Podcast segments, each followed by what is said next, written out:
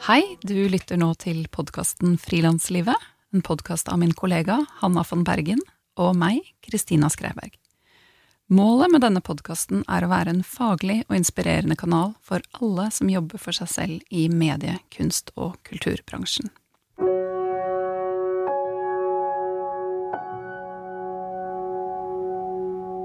Ukens annonsør er regnskapsprogrammet Fiken. Fiken har vært annonsør hos oss eh, helt siden starten, og det er vi veldig takknemlige for. Fordi som frilanser så er jo regnskap ofte noe ganske slitsomt og vanskelig å ta fatt i. Og jeg er personlig veldig glad for at Fiken har starta opp eh, sitt regnskapsprogram, hvor de har et veldig enkelt og tilpassa språk som er mulig å forstå uten å være regnskapsfører. Det er enkelt, og det er deilig. Så takk, Fiken. Du kan prøve gratis i 30 dager på fiken.no.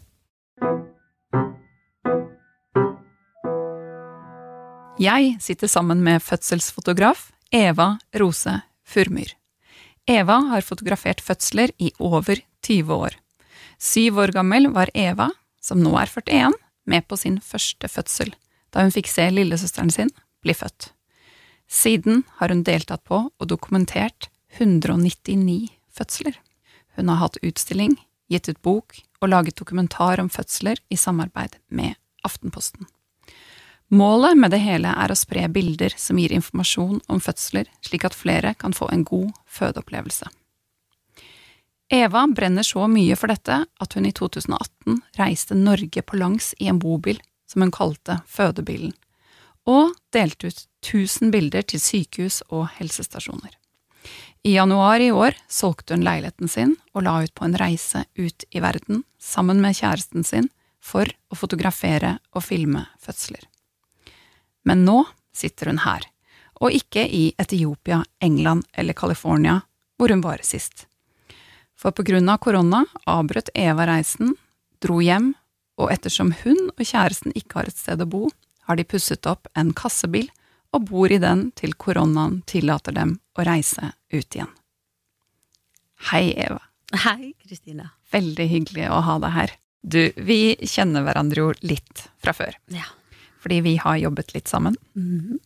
Et av oppdragene husker jeg spesielt godt.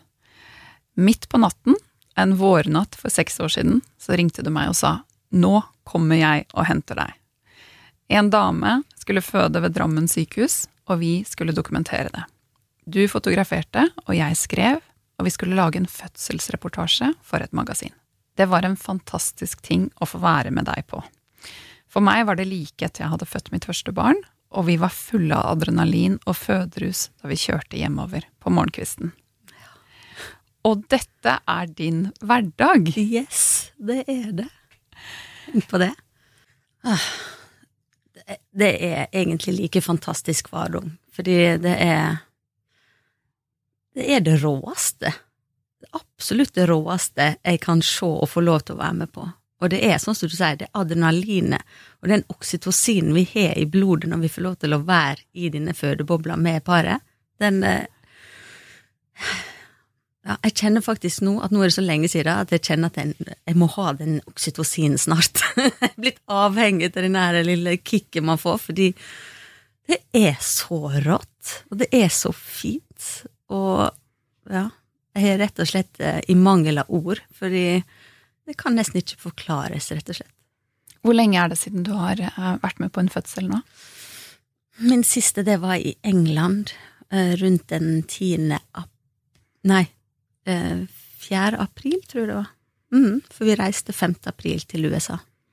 Vi fikk akkurat nådd en fødsel i England. Så det begynner å bli en liten stund siden, for jeg er nå vant med å ha fødsler hele tida, egentlig, nå. Mens nå, på grunn av koronakrisen, Ja. så får du ikke være med. Nei, sykehusene tillater ikke fotografer eller fødselshjelper, altså dolar, inn nå. Og du er begge deler. Jeg er begge deler, så jeg føler meg ganske arbeidsledig om dagen. Selv om jeg selvfølgelig kan ta andre oppdrag, så er det på en måte det som har vært min hovedjobb nå de siste seks-sju åra. Jeg vil gjerne høre litt om hvordan du ble fødselsfotograf. For da jeg møtte deg første gang, for eh, jeg prøvde å tenke når det var, jeg tror det er nesten ti år siden, så lagde vi en eller annen sånn damebladreportasje sammen. Jeg tror det var for KK, som handlet om noen kvinner og noen klær. Eh, og du og jeg er frilanset for magasiner, og fødsler var en del av mange ting du gjorde Ja. på den tiden. Så kan ikke du fortelle litt om hvordan du har Eller hva du har gjort for å heldyrke det som en nisje? Vet du hva, det å jobbe med fødsler, det ble fort en livsstil eh, når jeg begynte veldig aktivt. Fordi jeg begynte nå veldig tidlig, det gjorde jeg. Og da var det fire fødsler i året for et blad som het eh, Gravid. Eh, og det surra gikk i mange år, men det var ikke så mye private kunder. Men til mer private kunder som kom inn i markedet, til mer jobb fikk jeg selvfølgelig. Fordi folk eh, så bildene, og de fleste har alltid tenkt at nei, gud, sånne bilder skal jeg aldri ha. Hvorfor skal man ha bilde av det? Men så så folk at men herregud, se de fine bildene, se de minnene man kan ha. Så begynte flere og flere å ta kontakt.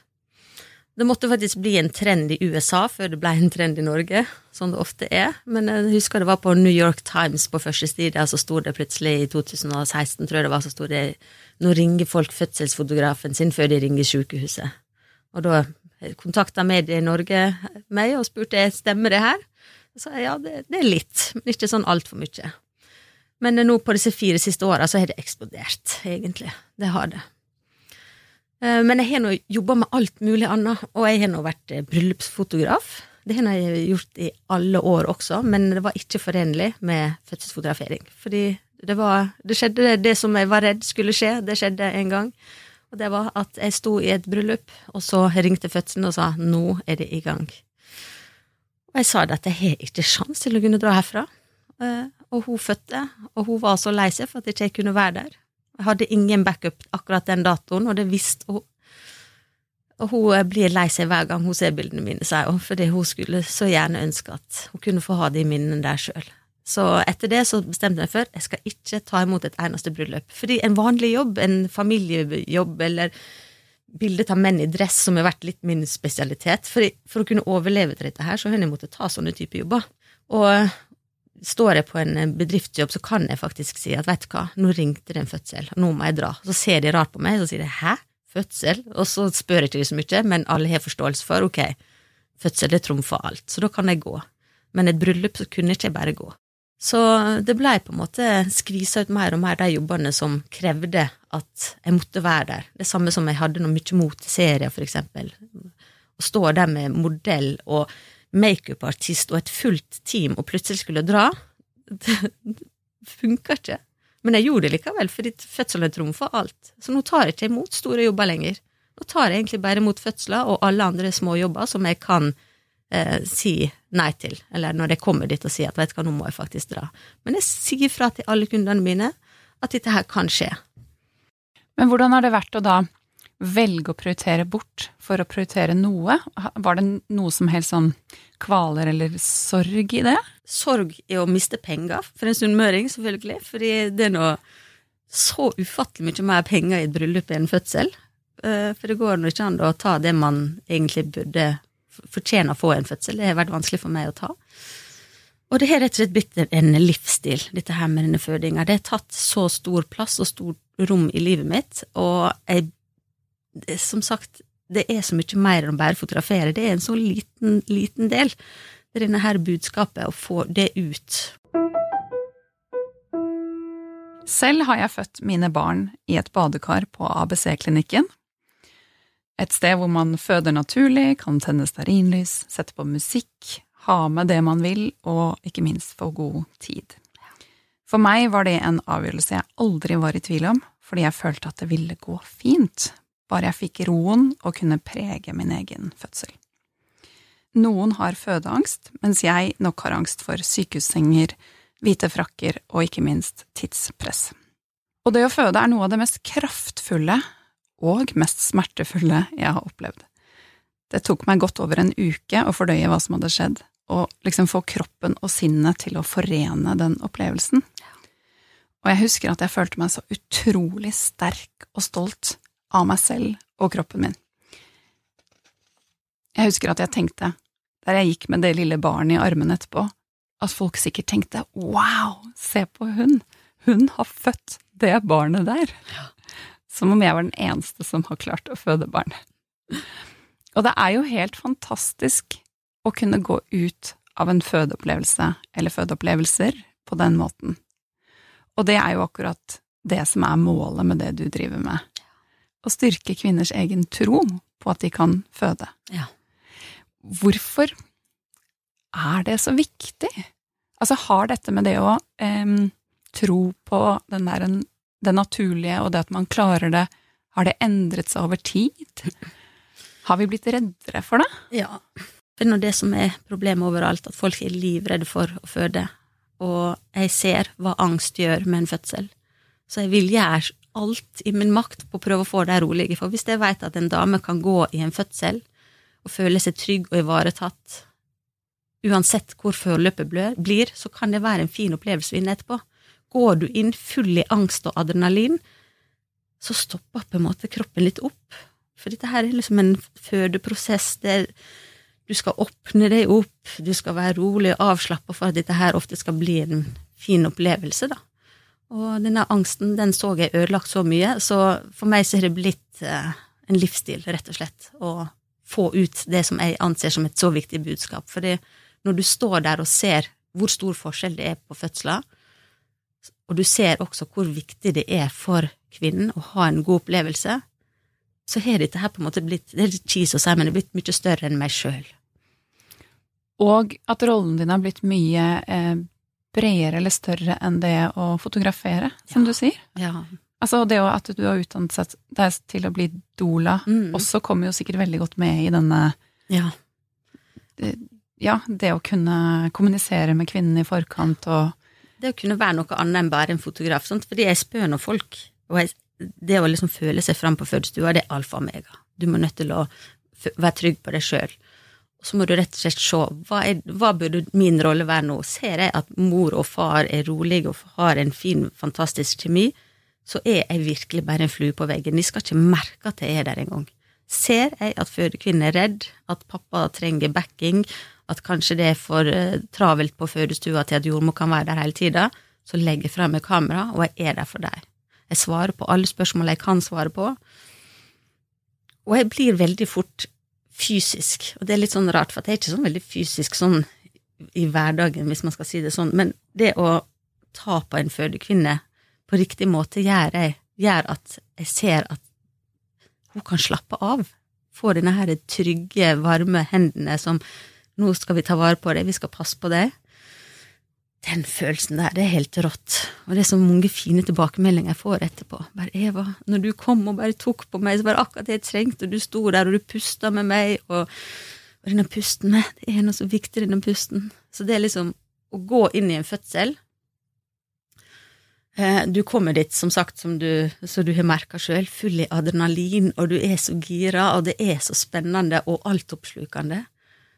Og når du er ferdig, du faller helt sammen. Det er på en god måte. Man sitter som regel igjen med veldig god følelse i kroppen etterpå, men det er, du gir så mye av deg sjøl ofte, da, i, på fødsel. I hvert fall så har det endt opp med at jeg har gjort det, fordi fødeparet har ofte lent seg på meg i veldig stor grad. De vil at jeg skal være en større del enn bare å ta bilde.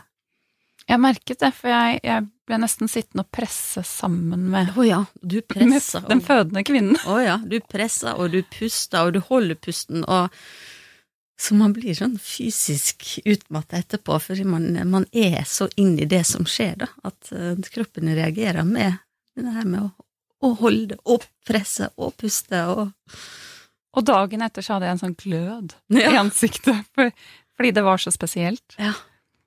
ja, man svever, og jeg kan sveve, og av og til så tenker jeg faktisk at, vet du hva, dette her er så rått, denne jobben min her er så rå, at jeg skulle nesten jeg kunne betalt penger for å få lov til å være her. Men det skal du ikke. Nei, det skal ikke jeg. Her kommer frilanslivet med pekefingeren. Ja.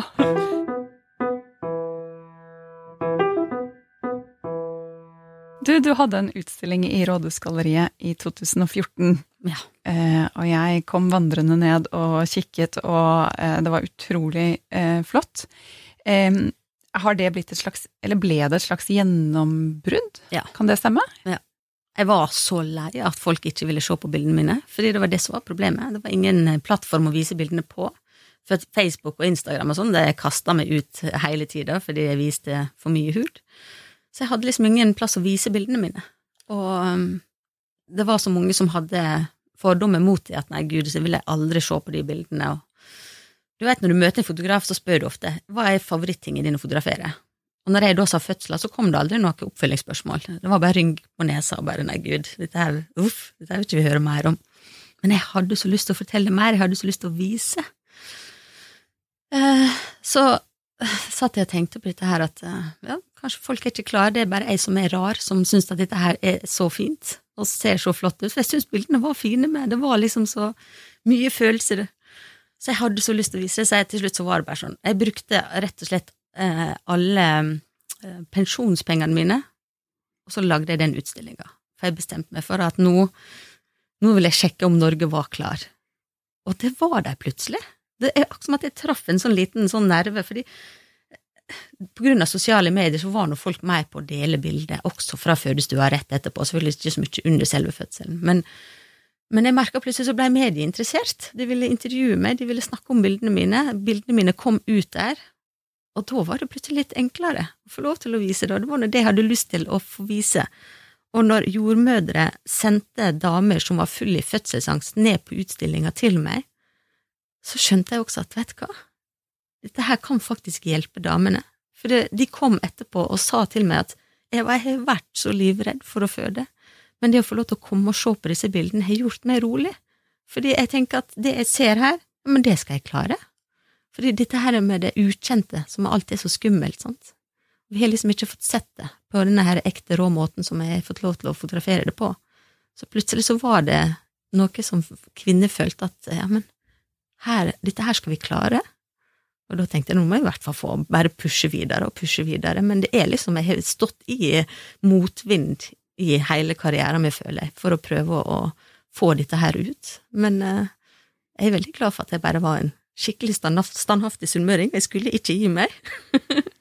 Og det er du jo fortsatt, det skal vi ja. komme tilbake til med dine eh, verdensturnéplaner. Eh, ja. det vil jeg veldig gjerne høre om.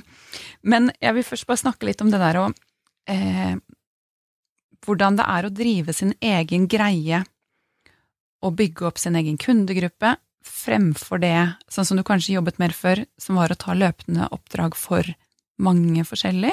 På hvilken måte er de to måtene å jobbe på eh, forskjellig? Det er fortsatt det samme. Er det jeg, får, eh, ja. jeg jobber for Norsk Lektorlag, jeg jobber for eh, alle mulige uh, forskjellige kunder. Jeg har samme kundekretsen eh, fortsatt, fordi for å kunne overleve som fødselsfotograf, så måtte jeg drive med disse jobbene her. Menn i dress, jeg kaller det. Menn i dress hater å bli fotografert. Jeg har alltid kommet inn som en sånn frisk pust og tatt masse bilder, og de har blitt så fornøyde. Det har vært sånn sant, effektivitet, og jeg er veldig effektiv, kommer på jobb, pam, pam, pam. Så de kommer og bruker meg om igjen, om igjen, om igjen. Men det, de kundene har gjort at jeg kan jobbe med fødsel. For det å prissette en fødsel for det det er verdt, har vært for meg umulig. Rett og slett fordi at hvor mye skal man ta for å stå på vakt 24 timer i døgnet ha alltid telefonen på, må alltid være i nærheten av sykehus, kan aldri ta med en fest eller drink. Kan, når du først skal på jobb, da vet du aldri hvor lenge du skal jobbe. Plutselig så er det kanskje bare tre timers dag, kanskje det er tre dager. Av og til har det endt opp med å ha vært på fødsel i seks dager. Noen fødsler så står jeg i, over badekaret og plukker opp bæsj som flyter rundt. Det er liksom, det er så masse ting jeg gjør, men som jeg ser på som verdens mest naturlige og fine ting likevel. Men hva er det egentlig verdt?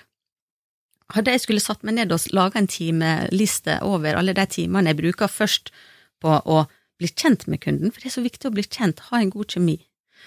Alltid være der for alle disse spørsmåla som kommer underveis når det nærmer seg fødsel, og svare på alle de merkelige spørsmåla som jeg elsker å svare på, sant? for jeg har nå lyst til å være der, og så er det da under fødselen, og så er det tiden etterpå, der de ofte har et behov for å gå gjennom fødselen, snakke om det, eh, når jeg setter igjen og tenker på hvor mange timer jeg har brukt på hver enkelt kvinne, da, og hva jeg faktisk fakturerer per fødsel, så er det, det henger ikke på greip i det hele tatt. Hva tar du for en fødsel? Kan jeg spørre om det? Jeg har alltid tatt bare Jeg har egentlig tatt 12 000 i veldig mange år. Nå tar jeg 22 000, men fortsatt så tar jeg Jeg tok 26 000 for et bryllup. Da visste jeg akkurat når jeg skulle jobbe, og hvor lenge jeg skulle jobbe der. Så det var en, eh, da var det enkelt å tjene masse penger. Så jeg hadde mye mer penger før. Når jeg tok det valget og bare nei, jeg kan ikke drive med bryllup lenger, jeg kan ikke ta imot de store jobbene lenger der de er avhengig av meg, så gikk eh, økonomien min rett ned. Eh, men det var nå et valg jeg tok likevel. Det er litt denne her at jeg klarer ikke å la være. Fordi fødsler har blitt livet mitt og min passion og min driv. Men da har alle disse her menn i dress betalt for uh, at jeg har mulighet til å gjøre det til å kunne betale husleia, for de har på en måte alltid vært der. Så jeg har hatt masse forskjellige typer småkunder, og det er gravidshoot, og det er babyshoot, og det er familie, og det er sånne småjobber hele tida som har gjort at jeg kan overleve. Hadde jeg kun jobba med fødsler, så måtte jeg ha tatt hva da, 70 000 per oppdrag, jeg vet ikke, for at dette skulle gå opp i, i spinninga, på en måte. Så interessant, fordi for meg nå de siste årene så er du så tydelig fødselsfotografen, mm. og mm, det skjer mye rundt, rundt det. Ja. Så jeg har tenkt at det har blitt eh, At det er kun nei. det du gjør. Nei, nei, det er ikke nok jobb til det. Menn i dress betaler fortsatt husleia di. Ja. Det er jo veldig det det. interessant. Så, så bra. Men eh, mistet du mange kunder da du valgte å gå eller ta 22 000 fremfor 12 Uh, ja, det gjorde jeg. Og det som er at jeg må enda lenger opp i pris for å kunne egentlig kunne fortsette med dette her. Men jeg sliter med det, fordi det er liksom noe med at som frilanser med ganske dårlig økonomi hele livet mitt, så har det vært litt sånn at hva vil jeg sjøl kunne betalt for å få det her? Uh, og det har ikke vært så mye, sant? For jeg har ikke hatt den økonomien sjøl, og jeg har så lyst at eh, den vanlige kvinnen i gata skal ha mulighet å ha råd til disse typer bildene. Men nå har det blitt sånn at det er flere og flere fødselsfotografer rundt om i landet. Det er faktisk noe jeg har funnet ut, det er to andre som kaller seg Fødselsfotografen. Noe som var på en måte min brand. Jeg hadde nå mitt eget domene og alt som var Fødselsfotografen. Jeg betalte ikke videre på det, så plutselig så kom andre og tok det. Så nå er vi tre fødselsfotografer. Og det er nå litt sånn Jeg vil nå at det skal være mange fotografer som skal holde på med dette her. Det var litt synd, kanskje, litt uheldig at de tok det samme navnet som meg, som, eh, og de er nå noe, hun ene hun tar nå da, eh, jeg tror det er 9900, og jeg har tatt 22, så jeg har hatt noen sånne kunder som tar kontakt med meg, og ja, men da er vi enige om en pris på 9000, så jeg bare nei, det, det er ikke mine priser lenger. Så er blitt, det er blitt bytta litt på, folk har trodd at jeg er hun og hun er jeg i det hele tatt, så litt uheldig sånn sett. Men jeg har nå lyst at dette her skal være tilgjengelig for mange kvinner rundt om i hele Norge, så jeg er nå så glad for at det blir flere fødselsfotografer, for det er rundt om i Norge nå, så jeg tror vi er kanskje 15-20 stykker totalt. Men det er ingen som kan drive av det. Ikke engang jeg som har jobba med dette her så lenge, kan kun drive med fødsler. Det ikke, har ikke vært nok oppdrag ennå. Jeg hadde håpa på at det skulle bli sånn, men fortsatt så er det liksom Jeg kan ha plutselig fem fødsler i én måned, og så går det to måneder uten noen fødsler i det hele tatt. Så Men det er kanskje godt å en gang imellom kunne slå av telefonen eller ha den på flight mode, eller? Ja. For det kan ikke du, Nei. sånn som du holder på. Nei. I fjor, i 2019, så hadde jeg tre uker uten å ha på telefonen.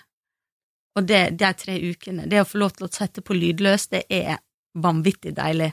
Selv om jeg elsker jobben min, og jeg skulle vært på fødestua 24-7, jeg har sagt det til sykehuset, kan ikke jeg bare få sitte i gangen her og bare ta imot alle som sier ja? Men det er ikke helt sånn det fungerer. Eh, men den, den, gleden av å få lov til, når du først er ferdig med en fødsel og Det går nå alltid bra. Alle mine fødsler det har nå gått fint, selv om det kan være litt eh, vonde og lange fødsler, så har nå det resultatet blitt det samme, og en frisk, fin, sunn baby. Så den følelsen da å komme hjem og få lov til å skru av telefonen ned og sove en hel natt uten å vite at du blir vekt opp, for det er det som er, jeg er avhengig av søvn. Jeg elsker å sove. Jeg sover mellom åtte og ti timer hver eneste natt. Jeg er frilans, jeg har ikke egne barn, så det er liksom komforten min. Og jeg fungerer veldig dårlig uten søvn. Så når jeg har mange fødsler, så tar jeg meg sjøl og skal drive og sove middag hele tida, fordi at jeg driver veldig og tenker at hvis For det skjer alltid på natta. Det er så å si bombesikkert. Den telefonen den ringer mellom tre og fire på natta, og da må jeg eh, sprette opp og dra på jobb. Og det holder på som regel mm, alt ifra, som sagt, fem-seks timer til et par døgn. Det kommer helt an på fødselen. Så når jeg da er ferdig med disse her vaktene og kan skru av telefonene, så må jeg innrømme at det er en veldig befriende følelse, som jeg kjenner ganske lite av. Men nå, i disse koronatidene, hjelpes hvor avslappa jeg har vært. ja.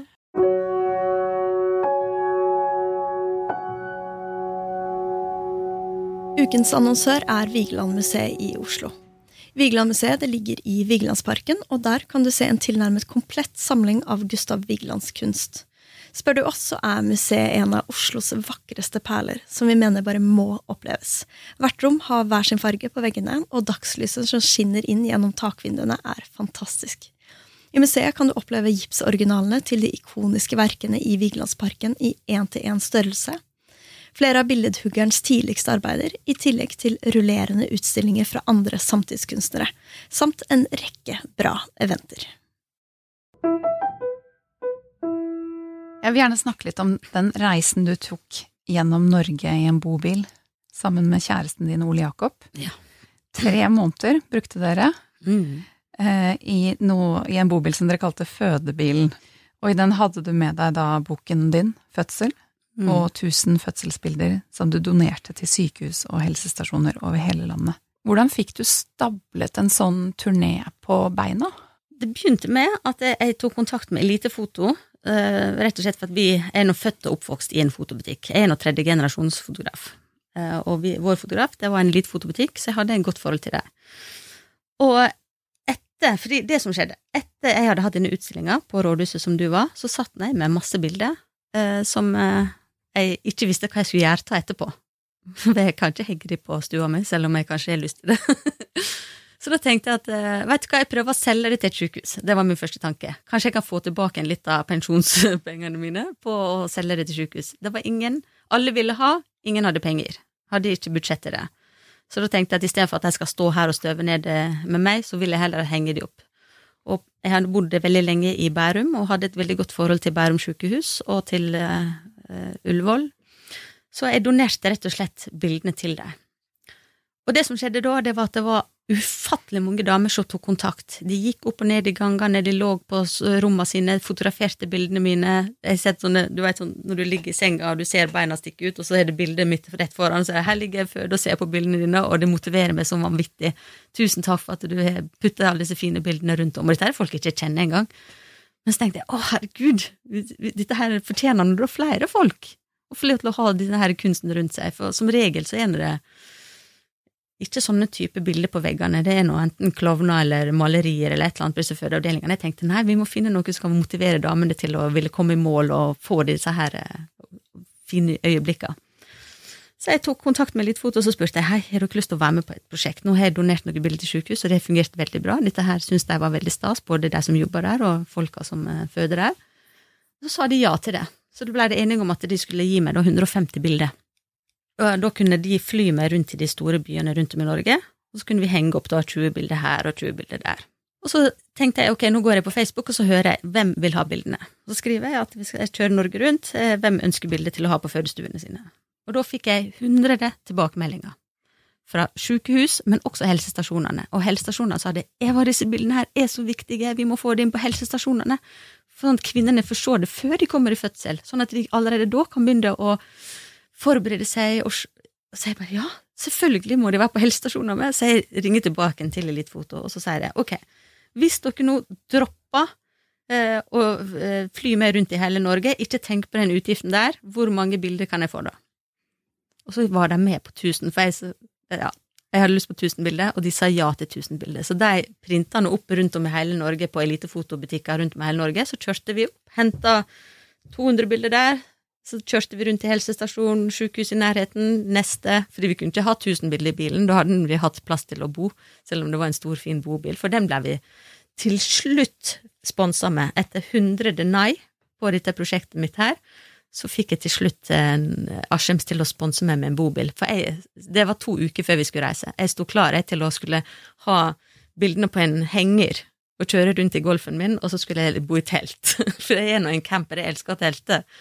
Men tre måneder i et telt rundt om i Norge og ikke ha mulighet til å dusje og ingenting. Sant? Det, virka nå litt tungt, men jeg var klar, for jeg var litt sånn skuffa. For du kan tenke deg, prøve å bli sponsa av en, en en bobil, og så sier du at det er fødebil Norge Rundt, og menn, mannfolk på 50 pluss som sitter der og skal bestemme om du skal bli sponsa eller ikke, de ser ikke verdien i det her, og de er nok livredd for at du skulle drive og føde i denne bilen, og det var mange rare spørsmål. Men til slutt så fikk jeg en bobil, og fikk muligheter til å kjøre rundt i hele Norge og se hvordan fødselsomsorgen faktisk var rundt om i Norge. Det var veldig spennende, fordi det var veldig store forskjeller. Jeg tenkte i dette lille landet, var her, så skal vi ha så store forskjeller at i nord så var ikke det lov til å føde i vann, for eksempel. Du har nå fått mulighet til å kunne føde i vann, og se hvor viktig det er å ha det alternativet der. Så jeg var nå og holdt foredrag, og jeg boosta disse damene til at nå må dere jobbe for kvinnenes rettigheter med disse jordmødrene, vi må få muligheten til å kunne føde i vann her, og nå er det faktisk tror, Dette er ikke noe med meg å gjøre, dette her er noe jordmødrene som har stått på med å jobbe hardt for å få det til, men nå er det lovlig i hele Norge å føde i vann. Sverige hadde det helt ulovlig. De hadde et dødsfall i 1980 eh, som var en baby som hadde dødd i, på en vannfødsel. Det viser seg seinere at det hadde ingenting med vannfødselen å gjøre, men babyen døde, og det var noe galt med ungen. Men det har gjort at hele Sverige stengte ned muligheten for vannfødsel, og de åpna opp for det først i fjor. Så i over 20 år så har ikke kvinner fått lov til å føde i vann fordi at én baby døde. Hva med alle disse andre babyene som dessverre også dør på sykehuset? Det, det hører du aldri noe om. Så jeg ble nå så provosert, og jeg, det, det, er en sånn liten jævel i meg. Så jeg ringte nå bort til et sykehus i Sverige, og så sa jeg det at hei, har dere lyst på bilde? Jeg driver og kjører Norge rundt. Ja, for all del, kom med bilde. Så da tok vi en liten svipptur innom Sverige, plukka sammen alle vannfødselsbildene og ga de til de, sånn at de kunne henge rundt på veggene. For hva skjer når du ser en vakker kvinne ligger i det badekaret og føde ungen sin i den fine, private, lille fødebobla si? Jo, kvinner vil ha det, de begynner å spørre om det. Så jeg har vært veldig på denne her å pushe vannfødsel. Så når jeg hadde denne utstillinga på um, rådhuset, det jeg ikke var klar over da, det var at jeg kom til å få masse turister innom fordi det var på rådhuset. Eh, og det var så fascinerende å se ansiktsuttrykkene deres. For når de så bildet av vannfødslene, så stod de bare og rista på hodet. Så ser de på meg så bare Ja, men babyen kan jo drukne. Er dere helt galne her i Norge? Jeg har aldri sett noe lignende at disse damene ligger i badekar og føder.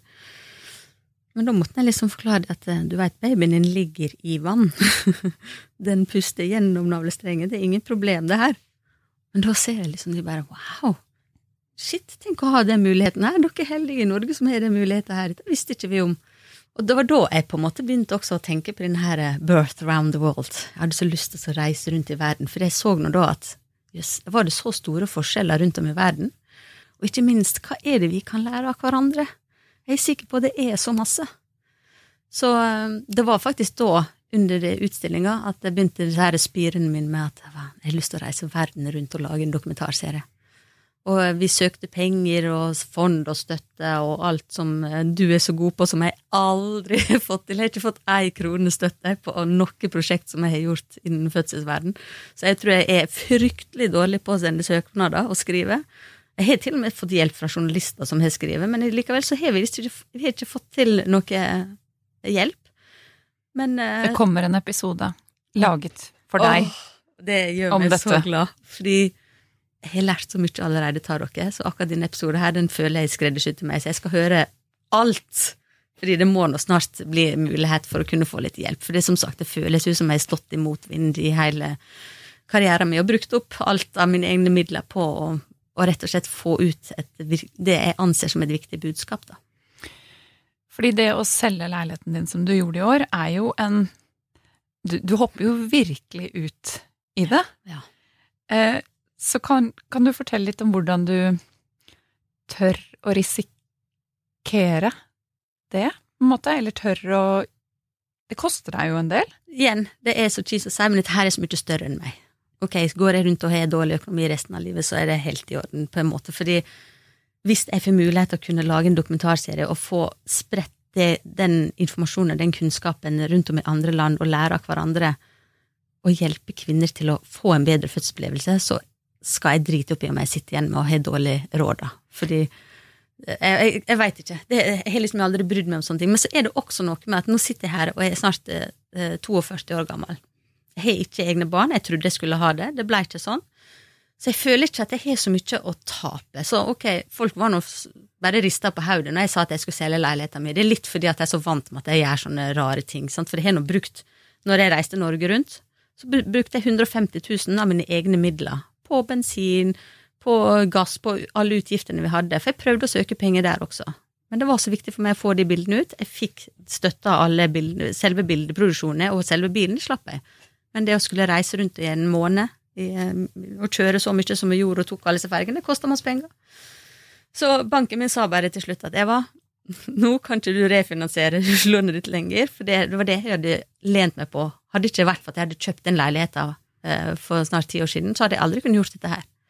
Så jeg er veldig glad for at jeg hadde den muligheten, å kunne da refinansiere huslånet for hver gang jeg hadde etter disse her stuntsa mine, da. For banken har alltid vært så støttende og ville hjelpe meg. Og de syns også synd i meg. Det sånn, ja, hvorfor får jeg ikke noe støtte her? Og nei, nei, du veit ikke. Er det banken i hjembygda, eller? Ja. ja. Så de kjenner meg veldig godt, og de sier at Eva, vi, vi vil støtte deg på alt, for vi er så stolte av det du gjør, og vi syns dette her er så stas. Men uh, nå, siste gangen så sa de Eva, nå kan ikke vi refinansiere huslånet ditt lenger, for nå, nå er ikke noe mer å refinansiere. Så skal du ut på tur, så må du faktisk eh, en annen, enten selge eller låne penger, eller få penger fra et annet sted. Og jeg søkte i over et år. Fritt Ord og alle disse store organisasjonene, men jeg fikk ikke noe. Så til slutt så sa jeg det at har ikke jeg fått penger innen eh, oktober neste år, eller i fjor, da selger jeg leiligheten min. Fordi dette her skal jeg gjøre uansett. Det var jeg fast bestemt på. Så da gjorde jeg det. Og det føltes ikke ut som en sånn å herregud, nå er du gal som gjør det. Fordi at, igjen, jeg er en camper.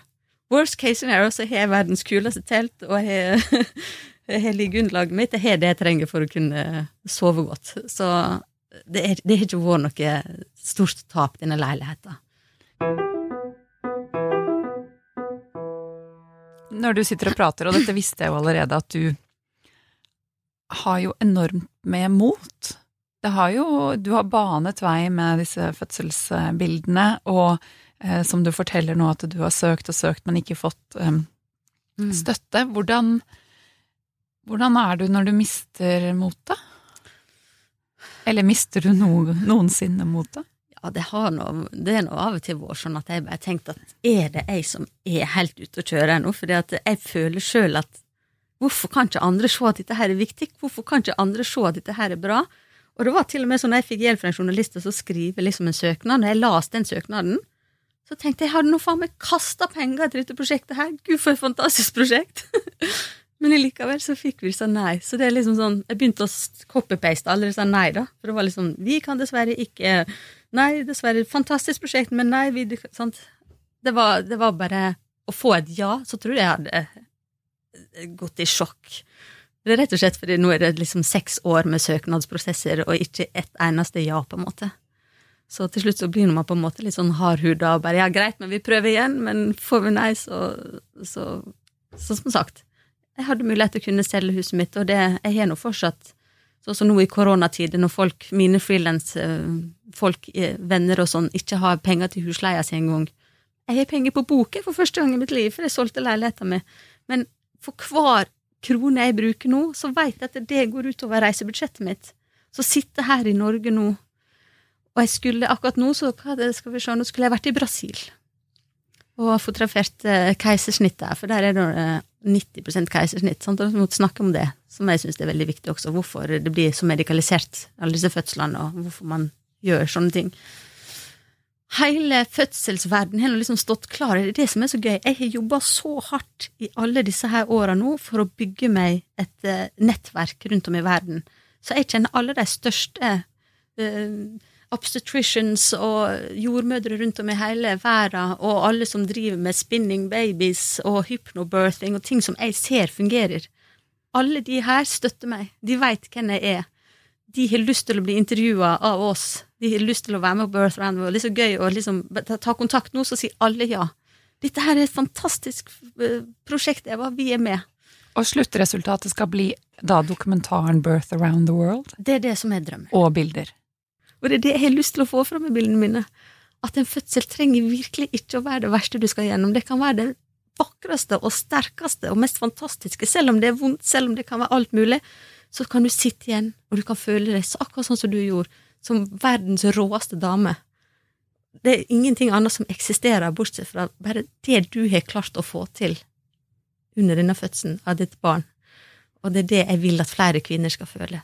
Og det er det som har gjort at jeg nå driter litt i pengene, på en måte, og har vært en dårlig frilanser, fordi at for meg så har det vært det, den følelsen å få lov til å se en dame som kan sitte igjen med denne følelsen der etterpå, har vært alt å si. Fordi det vet jeg at hun vil dra med seg videre inn i livet som en ny familie. Hvordan har du fått eh, tilgang og opprettet kontakt med eh, miljøer og kvinner eh, og ja, fød fødesteder rundt om i verden? Altså, hvorfor lar de deg få være med på sin fødsel? Fordi de har fulgt med på min Instagram. Det er enkelt og greit. De sitter der og ofte fulgt med både flere måneder eller flere år i forveien, og liker det jeg gjør. Så når jeg skulle til de forskjellige landene, så lagde jeg en post, og så skrev jeg nå skal vi til England, uh, være der fra den uka til den uka, er det noen som har termin og så kunne tenke seg å ha oss med, ta kontakt. Så når vi kom til England, så var det fem forskjellige fødsler vi uh, kunne fotografere. Eller det var egentlig enda flere, men uh, det var spesifikt for Bristol. Vi valgte Bristol rett og slett fordi at det var det en dame som sa kom og bo med oss. Hun har vært fan i så mange år, sa hun, og eh, vær så snill, kom og bo med oss. For da visste vi her kan vi spare penger, vi kan bo med en familie. Så da tenkte vi da får vi fødsler. Så da var det fem damer i Bristol som sto klar. Det var vanskelig å komme inn på sykehuset, dessverre, så vi mista tre av de, men til slutt så fikk vi til to fødsler der. En av de blir med på Birth Around the World. Så dette her er rett og slett bare verdt å spørre på Instagram, og der har vi fått så masse tilbakemeldinger. Og det er det vi hadde gjort resten av verden med. Vi hadde noen fødsler, jeg hadde nå fem stykker i Panama, som sto klar. Fem hjemmefødsler gjennom en, eh, en lege som hadde hjulpet meg der. Så det er så mange rundt om i verden som hjelper meg nå. Det å få tak i folk har på en måte ikke vært noe problem så langt. Men Etiopia hadde jeg aldri trodd at vi skulle få noe fødsel. Fordi der skulle vi liksom ned og snakke om litt det her med vans vanskelige fødsler med fistulaskade og sånne ting. Men så ble vi kjent med en engelsk jordmor som tok oss med eh, til et sykehus, spurte sjefen og før jeg visste ordet av det, så sto jeg og OJ, min kjære, i scrubs inne på fødestua, og først tok en, eh, fotograferte en vaginal fødsel, som eh, Den blei så viktig, den fødselen der. Det, etter seks dager på tur så får vi lov til å være i en fødestue i Etiopia og se obstetric violence. Det er helt jævlig, men der sto de og hoppa på magen til, til dama for å få babyen ut. Det er noe som heter fundal pressure som burde være ulovlig rundt om i hele verden. Det er en helt utdatert uh, greie, der de presser babyen ut. Jeg, fikk, jeg ble helt sjokkskada. Jeg var helt på felgen etter dette der, uh, så jeg måtte snakke med jordmora og prøve å forstå hvorfor i all verden gjør de dette her. Nå sitter jeg og river meg i håret, eller ja. lager grimaser. Jeg delte et bilde på Instagram der du ser hvordan dette her foregår, og da fikk jeg, jeg tuller ikke, på én dag over 1000 meldinger fra folk rundt om i hele verden som sier Eva, dette her har skjedd med meg med jeg har aldri turt å snakke om det. Jeg trodde at jeg var en failure som ikke klarte å føde babyen min, at de måtte presse den ut på den måten der. Det var så fint å se.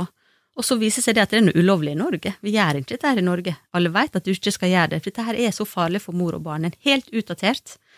I Etiopia så gjorde de det absolutt uten grunn. Men fordi dette her var tradisjonen. Dette her er sånn vi gjør det. Vi har som regel dårlig tid, her må vi presse ungen.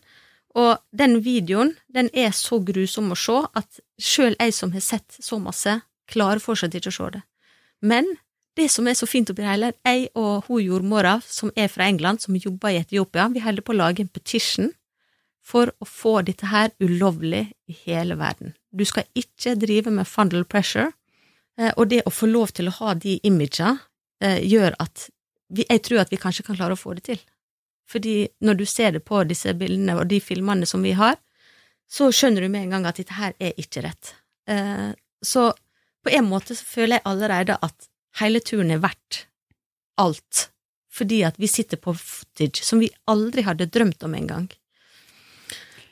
Men og her eh, syns jeg jo vi kommer inn på og dette du sa om eh, eh keisersnittstall i Brasil, mm. og, og, at dette her skjer i mm. Etiopia. Mm essensen av hvorfor ditt prosjekt er ekstremt viktig. Mm. Eh, for noen kan jo tenke at fødselsbilder er litt de samme eh, eh, litt det samme som å ha babyshower. At det er veldig amerikansk, og litt det samme som at eh, du kommer hjem og fotograferer en søt baby på en skinnfell, Mm. eh, som er veldig fint å ha. Men her borer du jo i eh, dype strukturer Ja. som påvirker ja, kvinner, familie, helse, Ja. eh, relasjon til barn, altså helsevesen. Mm. Dette var helt grusomt å høre om, Mm. men viktig. Og så skal jeg snakke litt mer om Instagram, da. Jeg hopper fra dette til Instagram. Men eh, nettopp det lurer jeg på, fordi du får jo da eh, dokumentere eh, råe, eh, eh, virkelighetsnære eh, og ikke Altså vakre, helt klart. Mm.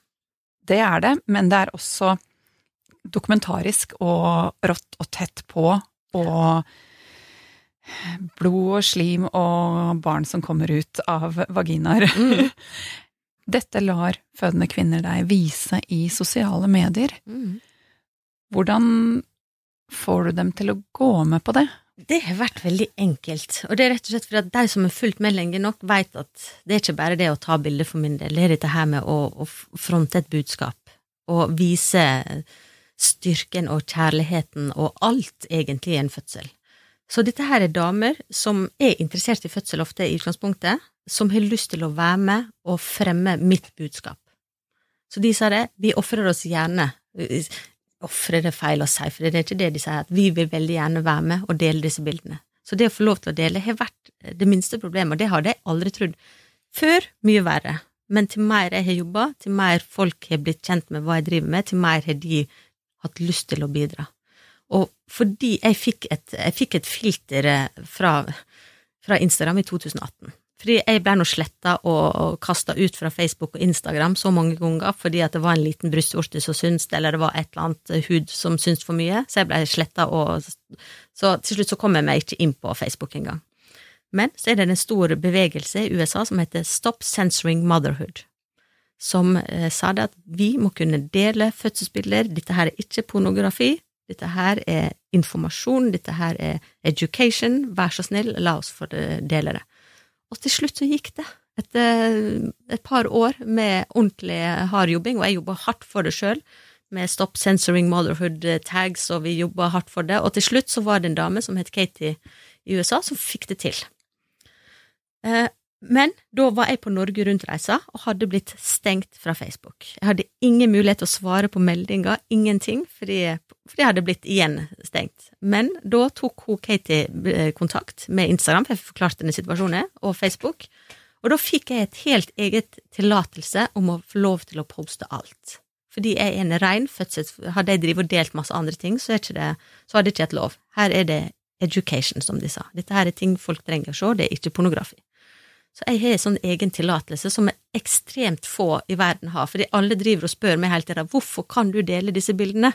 Når vi prøver å dele det på vår side, så blir vi sletta ned, og det blir eh, Så sier jeg at det, det er fordi jeg har fått dette her spesialtillatelsen fra Facebook og Instagram, og det gjør meg veldig glad. Men jeg skulle ønske at alle andre som jobber med fødsel, hadde mulighet til det også. Men så langt så er det veldig få av oss som har muligheter til det, og selvfølgelig er det stas å få lov til å være en av de. Da viser det også litt at eh, det er litt sånn deilig å få litt tilbakemeldinger på at noen at folk syns det er innafor og greit også, For jeg har fått som sagt så mye motstand. Og at du er med på banevei. Ja. Ja. Du har nesten 70 000 følgere på Instagrammen din. Hvor mye tid legger du i Instagram og sosiale medier? Veldig lite tid på alt annet enn Instagram, faktisk, så det Instagram bruker jeg ca. 90% av tiden min, og opp til fem timer per dag. Fire-fem timer per dag. Mm. Det er helt hårreisende, men fra jeg står opp til jeg går og legger meg, så har jeg på en rolig dag mellom 100 og 300 beskjeder, meldinger fra folk overalt. Så det er ikke det at jeg sitter og scroller på Instagram, jeg svarer. Svarer på spørsmål. Og det er kvinner som ligger i fødsel. Jeg var jeg er i fødsel nå, de, they're abusing me, hva, hva, kan jeg si, hva er mine rettigheter, hva kan jeg gjøre, de skal igangsette meg på grunn av det og det, men jeg kan ikke sitte og svare på dette her, for det her er noe ting som det tekniske og medisinske kan ikke jeg noe om, men da føler jeg likevel at her må jeg sitte og roe henne ned, og sant, prøve å få henne til å eh, finne tilbake en ro og trygghet, og føle at jeg er her med deg, jeg kan støtte deg hvis det er. Vi har vært på FaceTime, og jeg har snakka med damer i fødsel på FaceTime og alt mulig, fordi de, de, blir redde. Så har de tatt kontakt med meg, som de aldri har møtt engang, men som de føler en trygghet hos, da. Så det er ufattelig mye tid som går bort til dette her, og jeg skulle ønske at jeg kunne få betalt for den tiden jeg bruker, men det, det gjør jeg ikke. Så det er veldig mye tid på telefonen min. Men du gjør det likevel? Ja. Jeg må. Jeg vil. Jeg skal.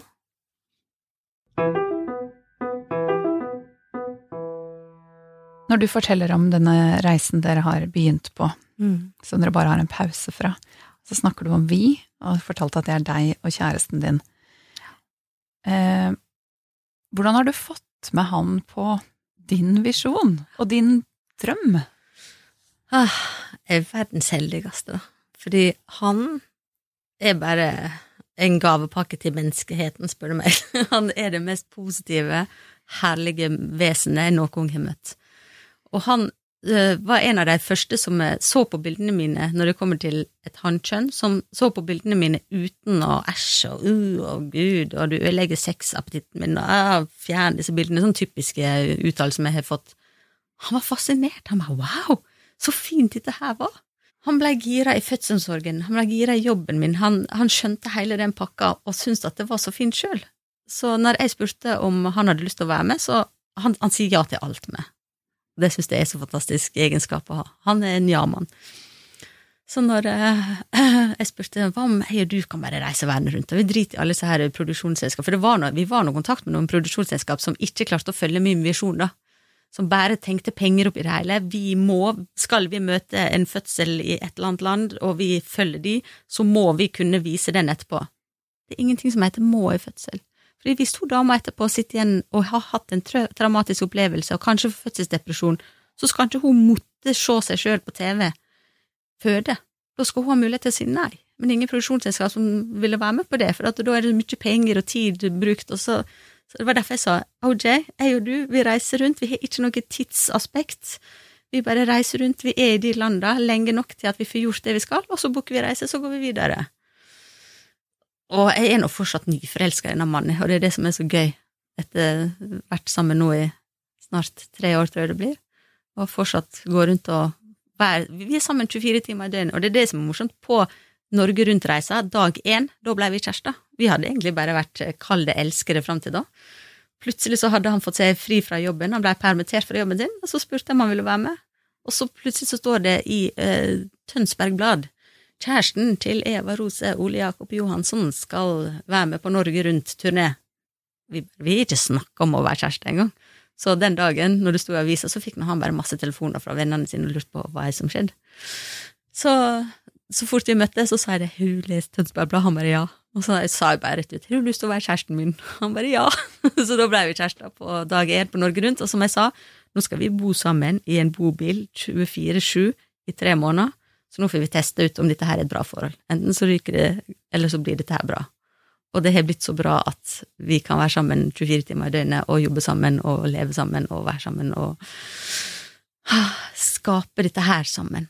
Og nå bor dere i en kassebil ja. hvor dere sover i bilen og kan bare rulle dit dere vil. Til alle fødsler som kommer. Vi lever så fritt og fint nå, og som sagt, ja, vi kan være akkurat der det skjer, når det skjer.